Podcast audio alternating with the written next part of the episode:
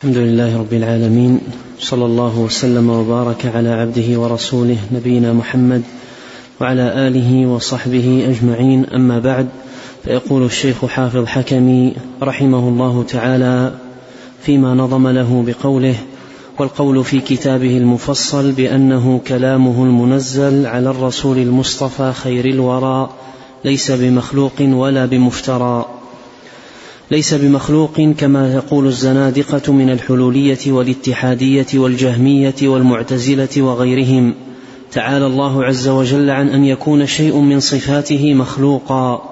قال الله عز وجل وكذلك أوحينا إليك روحا من أمرنا وقال تعالى ألا له الخلق والأمر وقال تعالى إنما أمره إذا أراد شيئا أن يقول له كن فيكون فأخبر تعالى أن الخلق غير الأمر وأن القرآن من أمره لا من خلقه.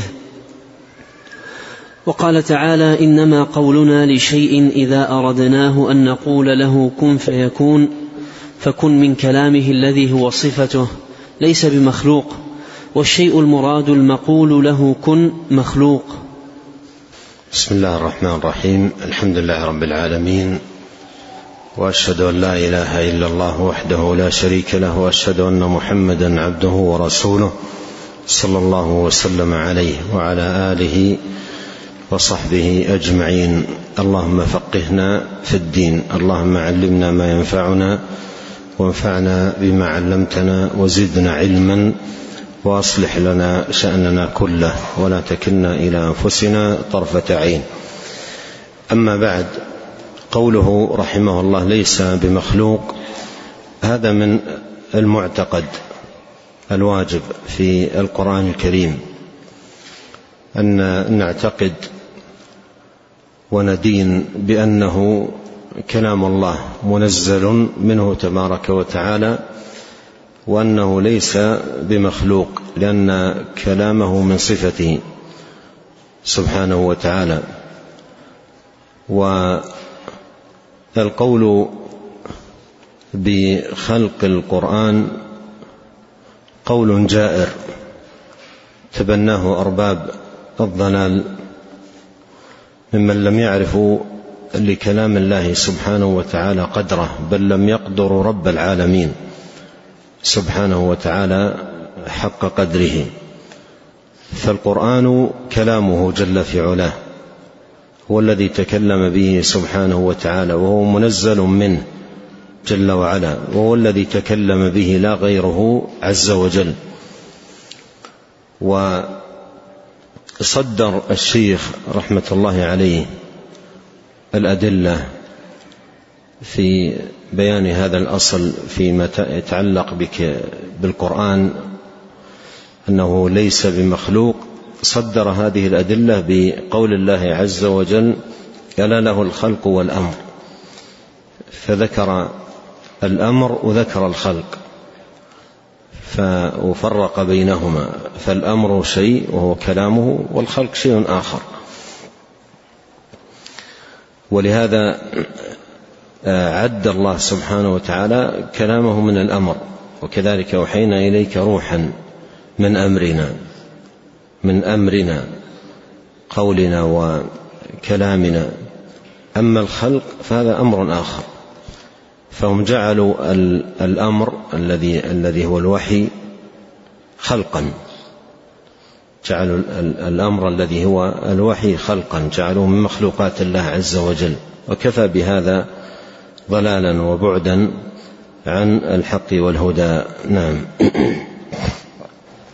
قال رحمه الله تعالى وقال تعالى إنما قولنا لشيء إذا أردناه أن نقول له كن فيكون. فكن من كلامه الذي هو صفته ليس بمخلوق والشيء المراد المقول له كن مخلوق. وقال تعالى إن مثل عيسى عند الله كمثل آدم خلقه من تراب ثم قال له كن فيكون. فعيسى وآدم مخلوقان بكن وكن قول الله صفة من صفاته وليس الشيء المخلوق هو كن ولكنه كان بقول الله له كن. نعم يعني هذا الآن جاء به كم جاء به رحمه الله تعالى كمثال لبيان ما سبق في قول الله عز وجل إنما أمرنا لشيء إذا أردناه أن نقول له كن فيكون. قال في توضيح الآية فكن من كلامه الذي هو صفته. ليس بمخلوق. ليس بمخلوق. قوله كن هذا من كلامه. ليس بمخلوق. والشيء المراد المقول له كن مخلوق. الشيء المراد الذي قال الله كن فكان هذا مخلوق. ومثال ذلك ما جاء في هذه الآية الكريمة. إن مثل عيسى عند الله كمثل آدم خلقه من تراب ثم قال له كن فيكون. ويوصف عيسى في آيات كثيرة بأنه كلمة الله. يوصف بأنه كلمة الله. لأنه بالكلمة كان ليس هو الكلمة. وإنما بالكلمة كان. والمصدر إذا أضيف إلى الله عز وجل تارة يراد به الصفة وتارة يراد به الأثر أثر الصفة. وهذا يفهم من السياق. فقوله عن عيسى آه، عليه السلام بأنه الكلمة قوله عن عيسى عليه السلام بأنه الكلمة أي أنه بالكلمة كان.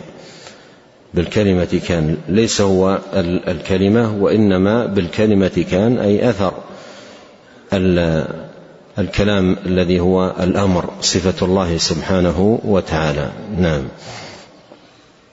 قال رحمه الله تعالى وقد انعقد إجماع سلف الأمة الذين قضوا بالحق وبه كانوا يعدلون على تكفير من قال بخلق القرآن وذلك لأنه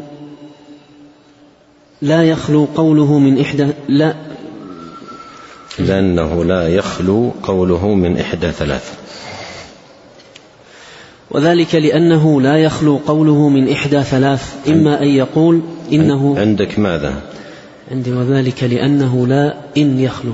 إيه، وذلك لأنه أنا جبت نسختي القديمة. طالت الأخطاء فجبت نسختي القديمة. نعم. ذلك وذلك لأنه لا يخلو قوله من إحدى ثلاث إما أن يقول إنه خلقه في ذاته أو في غيره أو منفصلا مستقلا وكل الثلاث كفر صريح.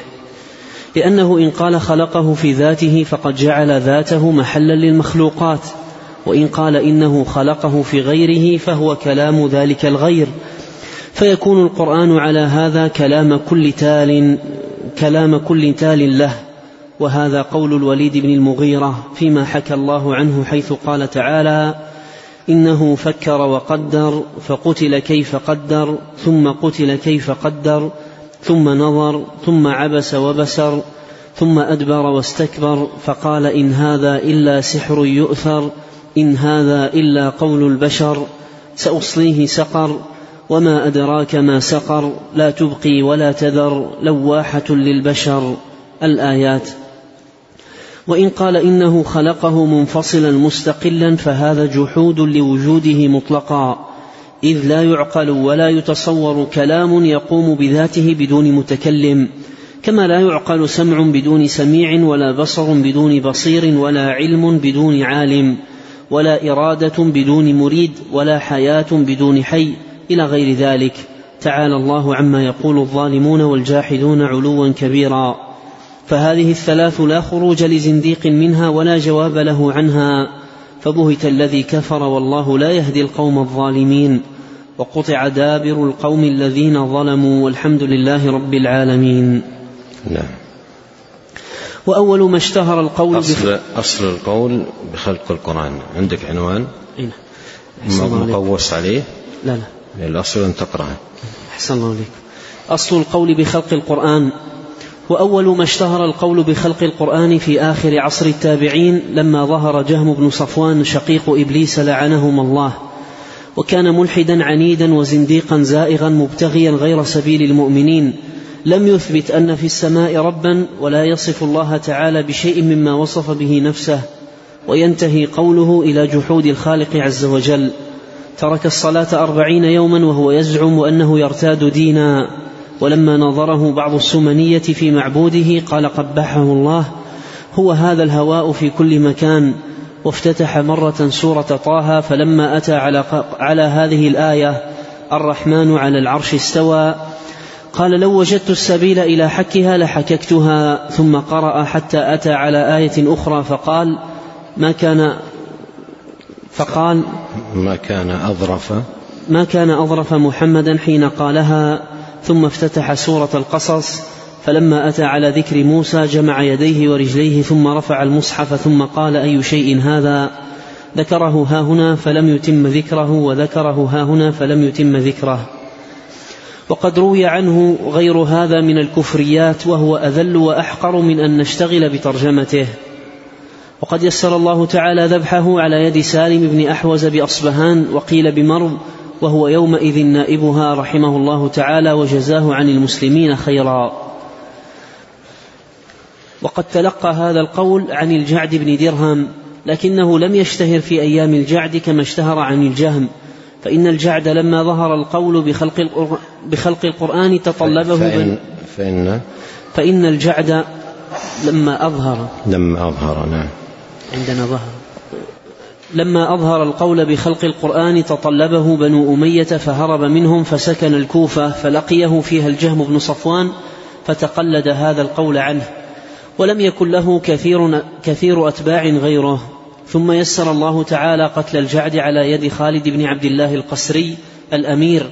قتله يوم عيد الأضحى بالكوفة وذلك لأن خالدا خطب الناس فقال في خطبته تلك أيها الناس ضحوا تقبل الله ضحاياكم فإني مضح بالجعد بن درهم. إنه زعم أن الله لم يتخذ إبراهيم خليلا ولم يكلم موسى تكليما. تعالى الله عما يقول الجعد علوا كبيرا. ثم نزل فذبحه في أصل المنبر. روى ذلك البخاري في كتابه خلق أفعال العباد. ورواه ابن أبي حاتم في كتاب السنة له وغيرهما. وهو مشهور في كتب التواريخ وذلك سنة أربع وعشرين ومائة وقد أخذ الجعد بدعته هذه عن أبان عن بيان بن سمعان. نعم يقال بيان ويقال أبان. نعم. وأخذها بيان عن طالوت بن أخت لبيد بن الأعصم وأخذها طالوت عن خاله لبيد بن الأعصم اليهودي الذي سحر النبي صلى الله عليه وسلم. وأنزل الله تعالى في ذلك سورة المعوذتين.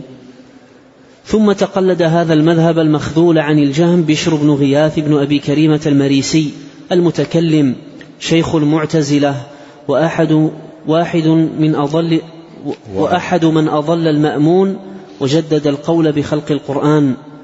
ويقال إن أباه كان يهوديا صباغا بالكوفة وروي عنه أقوال شنيعة في الدين من التجهم وغيره مات سنة ثمانية عشرة ومائتين ثم تقلد عن بشر ذلك المذهب الملعون قاضي المحنة أحمد بن أبي دؤاد وأعلن بمذهبه الجهمية وحمل السلطان على امتحان الناس بالقول بخلق القرآن وعلى أن الله لا يرى في الآخرة وكان بسببه ما كان على أهل الحديث والسنة من الحبس والضرب والقتل وغير ذلك. وقد ابتلاه الله تعالى بالفالج قبل موته بأربع سنين حتى أهلكه الله تعالى سنة أربعين ومائتين ومن أراد الاطلاع على ذلك وتفاصيله فليقرأ كتب التواريخ يرى العجب. هذه خلاصة ذكرها في هذا الفصل عن سلسلة إسناد هذه المقالة مقالة الجهمية القائمة على الجحد والتعطيل. لصفات الله سبحانه وتعالى والقائمة أيضا على مقولات كثيرة باطلة تتعلق بالإيمان وتتعلق أيضا بالقدر وغير ذلك من أصول الإيمان. فهذه المقالة الجهمية في أصل نشأتها نشأت عن طريق هؤلاء. وبهذا الإسناد الذي ذكره آه، غير واحد من أهل العلم في كتب الأخبار والتواريخ آه، ذكروا أن أصل هذه المقالة التي اشتهرت بمقالة الجهمية أن جهما وهو من تنسب إليه هذه المقالة أخذها عن الجعد ابن درهم. والجعد أخذها عن بيان أو أبان بن سمعان. وبيان بن سمعان أخذها عن طالوت وطالوت أخذها عن لبيد ابن الأعصم ولبيد أخذها عن يهود اليمن. فهذا أصل هذه المقالة.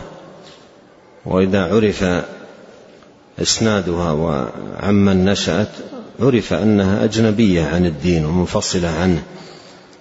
وأن أرباب هذه المقالة ومن نشأت على يديهم هم من أعداء دين الله سبحانه وتعالى وخصوم الملة.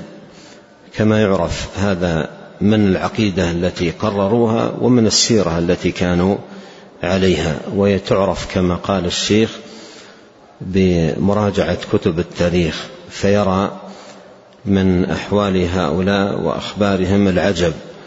والشيخ رحمه الله ذكر بعض الأمثلة من ما يتعلق بسيرة الجهم بن صفوان يدرك منها المرء أن هؤلاء أجانب عن عن دين الله سبحانه وتعالى وأن نشأة هذه المقالة نشأة خبيثة ودسيسة سوء وشر وإفساد لعقائد الأمة أمة الإسلام أمة محمد عليه الصلاة والسلام. نعم. قال رحمه الله تعالى ذكر ما قاله أئمة السنة في مسألة القرآن وحكم الجهمية. قال إمام أهل السنة أحمد بن حنبل رحمه الله تعالى من قال القرآن مخلوق فهو عندنا كافر لأن القرآن من علم الله وفيه أسماء الله. وقال إذا قال الرجل العلم مخلوق فهو كافر لأنه يزعم أنه لم يكن لله علم حتى خلقه. وقال رحمه الله من قال القرآن مخلوق فهو عندنا كافر لأن القرآن من علم الله. قال الله تعالى فمن حاجك فيه من بعد ما جاءك من العلم وقال تعالى ولن ترضى عنك اليهود ولا النصارى حتى تتبع ملتهم. قل إن هدى الله هو الهدى. ولئن اتبعت أهواءهم بعد الذي جاءك من العلم ما لك من الله من ولي ولا نصير. وقال تعالى ولئن أتيت الذين أوتوا الكتاب بكل آية ما تبعوا قبلتك وما أنت بتابع قبلتهم وما بعضهم بتابع قبلة بعض ولئن اتبعت أهواءهم من بعد ما جاءك من العلم إنك إذا لمن الظالمين. وقال تعالى ألا له الخلق والأمر. وقال تعالى ومن يكفر به من الأحزاب. قال أحمد قال سعيد بن جبير والأحزاب الملل كلها فالنار موعده.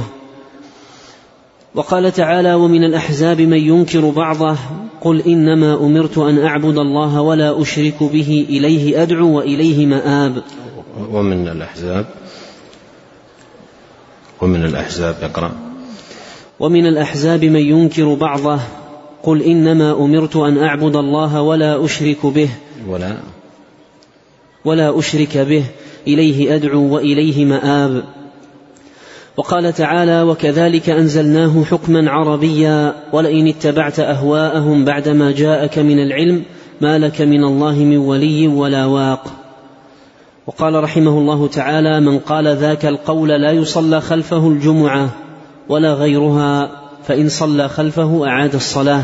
نعم ولا غيرها. فإن صلى خلفه أعاد الصلاة يعني من قال القرآن مخلوق. وقال رحمه الله تعالى إذا كان القاضي جهميا فلا تشهد عنده. وقال إبراهيم بن طهمان الجهمية كفار والقدرية كفار. وقال سليمان التيمي رحمه الله تعالى ليس قوم أشد بغضا للإسلام من الجهمية والقدرية. فأما الجهمية فقد بارزوا الله وأما القدرية فإنهم قالوا في الله. وقال سلام بن أبي مطيع الجهمية كفار لا يصلى خلفهم. وقال خارجة الجهمية كفار. قول سليمان التيمي فأما الجهمية فقد بارزوا الله. أي بالعداء لله ولدينه ولشرعه سبحانه وتعالى. فعقيدتهم عقيدة مبارزة ومعاداة لدين الله. وأما القدرية فإنهم قالوا في الله. وأما القدرية فإنهم قالوا في الله أي القول العظيم. والقول الذي بلا علم يقولون في الله سبحانه وتعالى ما لا يعلمون. وهذا من أعظم الذنوب وأكبرها. نعم. قال رحمه الله تعالى وقال خارجة الجهمية كفار بلغوا نساءهم أنهن طوالق وأنهن لا يحللن لأزواجهن. لا تعودوا مرضاهم ولا تشهدوا جنائزهم. ثم تلا طه ما أنزلنا عليك القرآن لتشقى إلا تذكرة لمن يخشى. إلى قوله الرحمن على العرش استوى. وقال مالك رحمه الله من قال القرآن مخلوق يوجع ضربا ويحبس حتى يتوب. وقال سفيان الثوري رحمه الله من زعم أن قول الله يا موسى إنه أنا الله العزيز الحكيم مخلوق فهو كافر زنديق حلال الدم. وقال أيضا من قال إن, قو إن قل هو الله أحد الله الصمد. لم يلد الله الصمد مخلوق فهو كافر. وقال أبو يوسف القاضي صنفان صنفان ما على وجه الأرض شر منهما الجهمية والمقاتلية. قلت وأظنه يعني بالمقاتلية أتباع مقاتل بن سليمان البلخي فإنه رماه الإمام أبو حنيفة بالتشبيه فإنه قال أفرط جهم في نفي التشبيه حتى قال إنه تعالى ليس بشيء. هكذا شيء نعم. فإنه قال أفرط. فإنه قال أفرط جهم في نفي التشبيه حتى قال إنه تعالى ليس بشيء نعم. وأفرط مقاتل في معنى الإثبات حتى جعله مثل خلقه. وتابع أبا حنيفة على ذلك جماعة من أئمة الجرح والتعديل من أقرانه كأبي يوسف وغيره فمن بعدهم. هذا يعني ينسب إلى مقاتل ابن سليمان لكن آه، يحتاج إلى تحقيق. يحتاج إلى تحقيق في صحة نسبة ذلك إليه. وتابع أبا حنيفة على ذلك جماعة من أئمة الجرح والتعديل من أقرانه كأبي يوسف وغيرهم فمن بعدهم حتى قال ابن حبان كان يأخذ من اليهود والنصارى من علم القرآن الذي يوافق كتبهم وكان يشبه الرب بمخلوق وكذبه وكيع وغيره والله أعلم بحاله. قال وكيع مات مقاتل بن سليمان سنة خمسين ومائة. وقال عبد الله بن المبارك الجهمية كفار وقال ليس تعبد الجهمية شيئا. وقال من قال القرآن مخلوق فهو زنديق. وقال إن نستجيز أن نحكي كلام اليهود والنصارى ولا نستجيز أن نحكي كلام الجهمية. لشدة شناعته. نعم. وقال رحمه الله تعالى وقال سفيان بن عيينة القرآن كلام الله. من قال مخلوق فهو كافر ومن شك في كفره فهو كافر. وقال من قال القرآن مخلوق يحتاج أن يصلب على ذباب يعني جبل. وقال عبد الله بن إدريس رحمه الله وقد سئل ما تقول في الجهمية يصلى خلفهم؟ فقال أمسلمون هؤلاء؟ أمسلمون هؤلاء؟ لا ولا كرامة لا يصلى خلفهم. وقال له رجل يا أبا محمد إن قبلنا قبلنا ضبطها بالسكون إن أي ناحيتنا وجهتنا. إن قبلنا ناسا يقولون القرآن مخلوق فقال من من؟ اليهود قال لا قال فمن؟ النصارى قال لا قال فمن اليهود قال فمن اليهود؟ قال لا قال فمن النصارى قال لا. قال فمن المجوس قال لا. قال فمن؟ قال من الموحدين. قال كذبوا ليس هؤلاء بموحدين هؤلاء زنادقة هؤلاء زنادقة. وقرأ ابن إدريس بسم الله الرحمن الرحيم فقال الله مخلوق والرحمن مخلوق والرحيم مخلوق هؤلاء زنادقة. وسئل عن قوم يقولون القرآن مخلوق فاستشنع ذلك وقال سبحان الله شيء منه مخلوق. يعني القرآن. الله عليك وقال وكيع فإني أستتيبه فإن تاب وإلا قتلته. وقال من زعم أن القرآن مخلوق فقد زعم أنه محدث ومن زعم أنه محدث فقد كفر.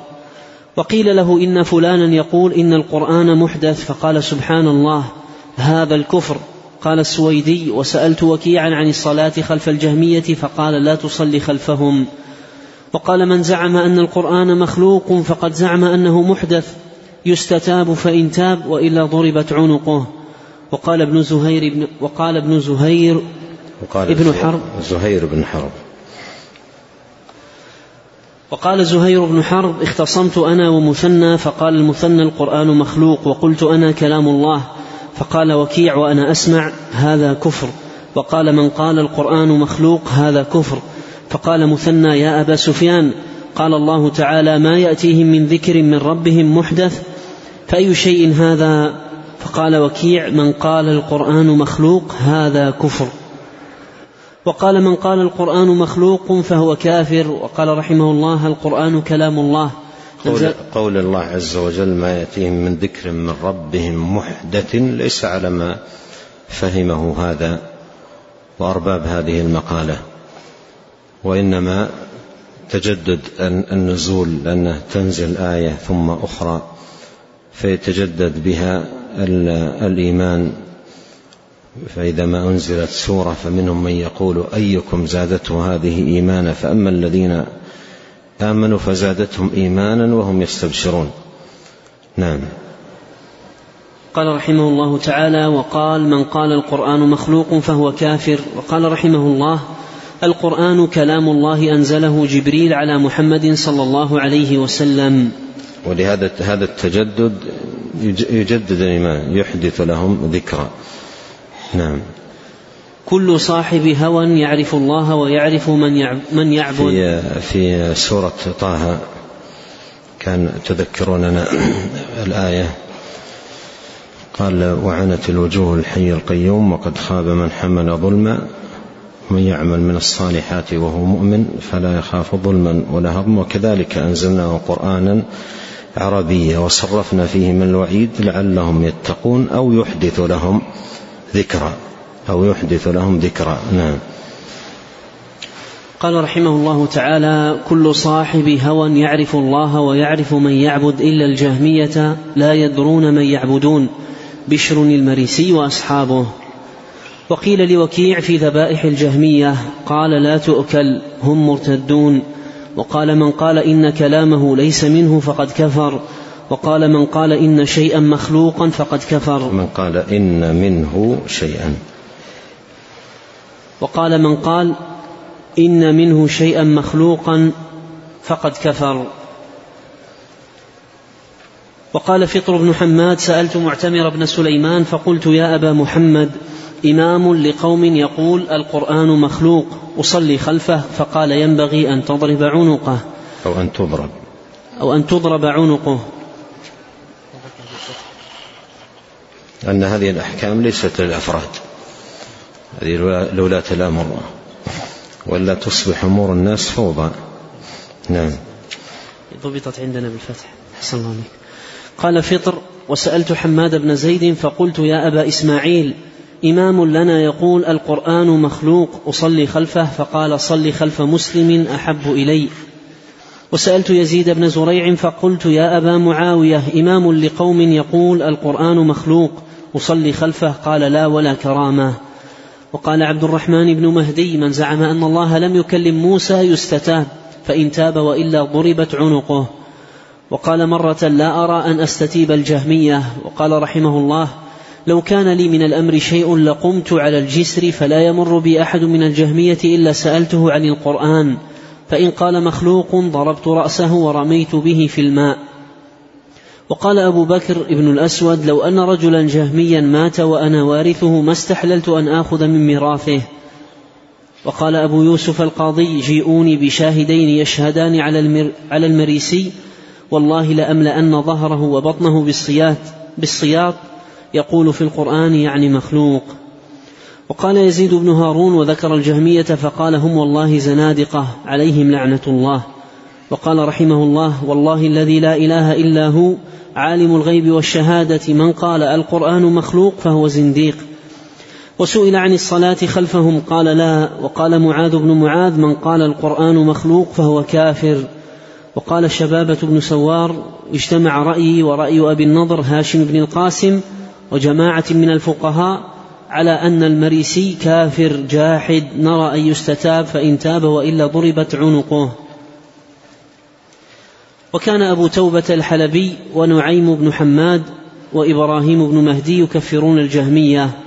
وقال بشر بن الحارث لا تجالسوهم ولا تكلموهم وإن مرضوا فلا تعودوهم وإن ماتوا فلا تشهدوهم كيف يرجعون وأنتم تفعلون بهم هذا. قال يعني الجهمية. وقال ابن أبي مريم من زعم أن القرآن مخلوق فهو كافر. وقال أبو الأسود النضر بن عبد الجبار القرآن كلام الله. من زعم أنه مخلوق فهو كافر هذا كلام الزنادقة. وقال عباد بن العوام كلمت بشرا المريسي وأصحابه فرأيت آخر كلامهم ينتهي أن يقول ليس في السماء شيء. وقال عمرو بن الربيع بن طارق القرآن كلام الله. من زعم أنه مخلوق فهو كافر. وقال هارون أمير المؤمنين بلغني أن بشر المريسي يزعم أن القرآن مخلوق. لله علي إن أظفرني, إن أظفرني الله به إلا قتلته قتلة ما قتلتها أحدا قط. وقال هارون بن معروف من قال القرآن مخلوق فهو يعبد صنما. وقال يحيى بن معين من قال القرآن مخلوق فهو كافر. وقال رجل لهشيم إن فلانا يقول القرآن مخلوق فقال اذهب إليه فاقرأ عليه أول الحديد وآخر الحشر فإن زعم أنهما مخلوقان فاضرب عنقه وقال أبو هاشم أول, أول الحديد وآخر الحشر أسماء الله كلها أسماء لله سبحانه وتعالى. نعم. وقال أبو هاشم الغساني مثله وقال أبو عبيد من قال القرآن مخلوق فقد افترى على الله. وقال عليه ما لم تقله اليهود والنصارى. وقال إسحاق بن البهلول لأنس بن عياض أبي الضمرة أصلي خلف الجهمية قال لا ومن يبتغي غير الإسلام دينا فلن يقبل منه وهو في الآخرة من الخاسرين. وسئل عيسى بن يونس رحمه الله عمن يقول القرآن مخلوق فقال كافر أو كفر فقيل له تكفرهم في هذه الكلمة قال إن هذا من أيسر أو أحسن ما يظهرون. وكان يحيى بن معين رحمه الله يعيد صلاة الجمعة مذ أظهر عبد الله بن هارون المأموم ما أظهر يعني القول بخلق القرآن. وقال الحسين بن إبراهيم بن إشكاب وعاصم بن علي بن عاصم وهارون الفروي وعبد الوهاب الوراق وسفيان بن وكيع القرآن كلام الله وليس بمخلوق. وسئل, وسئل جعفر بن محمد رحمه الله عن القرآن فقال ليس بخالق ولا مخلوق ولكنه كلام الله. وروي عن أبيه علي بن الحسين أنه قال في القرآن ليس بخالق ولا مخلوق ولكنه كلام الله. وقال الزهري سألت علي بن الحسين عن القرآن فقال كتاب الله وكلامه. وعن إبراهيم بن سعد وسعيد بن عبد الرحمن الجمحي ووهب بن جرير وأبي النضر هاشم بن القاسم وسليمان بن حرب قالوا القرآن كلام الله ليس بمخلوق. وقال سفيان بن عيينة لا نحسن غير هذا. القرآن كلام الله. فأجره حتى يسمع كلام الله. يريدون أن يبدلوا كلام الله. وقال الإمام مالك بن أنس وجماعة من العلماء بالمدينة وذكروا القرآن فقالوا كلام الله وهو منه. وليس من الله شيء مخلوق. وقال حماد بن زيد رحمه الله القرآن كلام الله أنزله جبريل من عند رب العالمين. وقال أبو بكر بن عياش من زعم أن القرآن مخلوق فقد افترى على الله. وقال وكيع القرآن من الله منه خرج وإليه يعود. وقال يحيى بن سعيد كيف يصنعون بقل هو الله أحد؟ كيف يصنعون بهذه الآية؟ إنني أنا الله يكون مخلوقا؟ وقال وهب بن جرير ومحمد بن يزيد الواسطي وابن إدريس وأبو بكر ابن أبي شيبة وأخوه عثمان بن أبي شيبة وابو عمرو الشيباني ويحيى بن أيوب وأبو الوليد وحجاج الأنماطي ويحيى بن معين وأبو خيثمة وإسحاق بن أبي إسرائيل وأبو معمر القرآن كلام الله ليس بمخلوق وقال أبو عمرو الشيباني لإسماعيل بن حماد لإسماعيل بن حماد بن أبي حنيفة. وقال القرآن مخلوق فقال الشيباني خلقه قبل أن يتكلم به أو بعدما تكلم به. قال فسكت. وقال حسن بن موسى الأشيب أعوذ بالله السميع العليم من الشيطان الرجيم. بسم الله الرحمن الرحيم. إياك نعبد وإياك نستعين. فقال حسن مخلوق هذا. وقال محمد بن سليمان لوين القرآن كلام الله غير مخلوق؟ ما رأيت أحدا يقول القرآن مخلوق أعوذ بالله. انتهى كلامه. من الكتاب والسنة. من كتاب السنة. نعم. وقال الشافعي يكفي النقل بدأ من وين؟ يعني هذا الفصل كله منقول من كتاب السنة. وفي في كتاب الشريعة أو كتاب السنة للالكائي هو من أوسع من ذكر أقوال الأئمة في من قال بخلق القرآن. أوسع من ذكر أقوالهم وساقها بالأسانيد أوصل أوصل من ذكرهم رحمهم الله إلى خمسمائة نفس من الأئمة والعلماء ساق أقوالهم وذكرها بأسانيدها. وهذا الذي ذكره الشيخ هنا هو خلاصة من أقوال كثيرة ونقولات عديدة كلها فيها بيان شناعة مقولة هؤلاء وبعدها عن دين الله سبحانه وتعالى. نسأل الله عز وجل أن يوفقنا لكل خير وأن يلهمنا الصواب وأن يصلح لنا العمل وأن يهدينا إليه صراطا مستقيما. سبحانك اللهم وبحمدك أشهد أن لا إله إلا أنت أستغفرك وأتوب إليك. اللهم صل وسلم على عبدك ورسولك نبينا محمد وآله وصحبه. جزاك الله خيرا.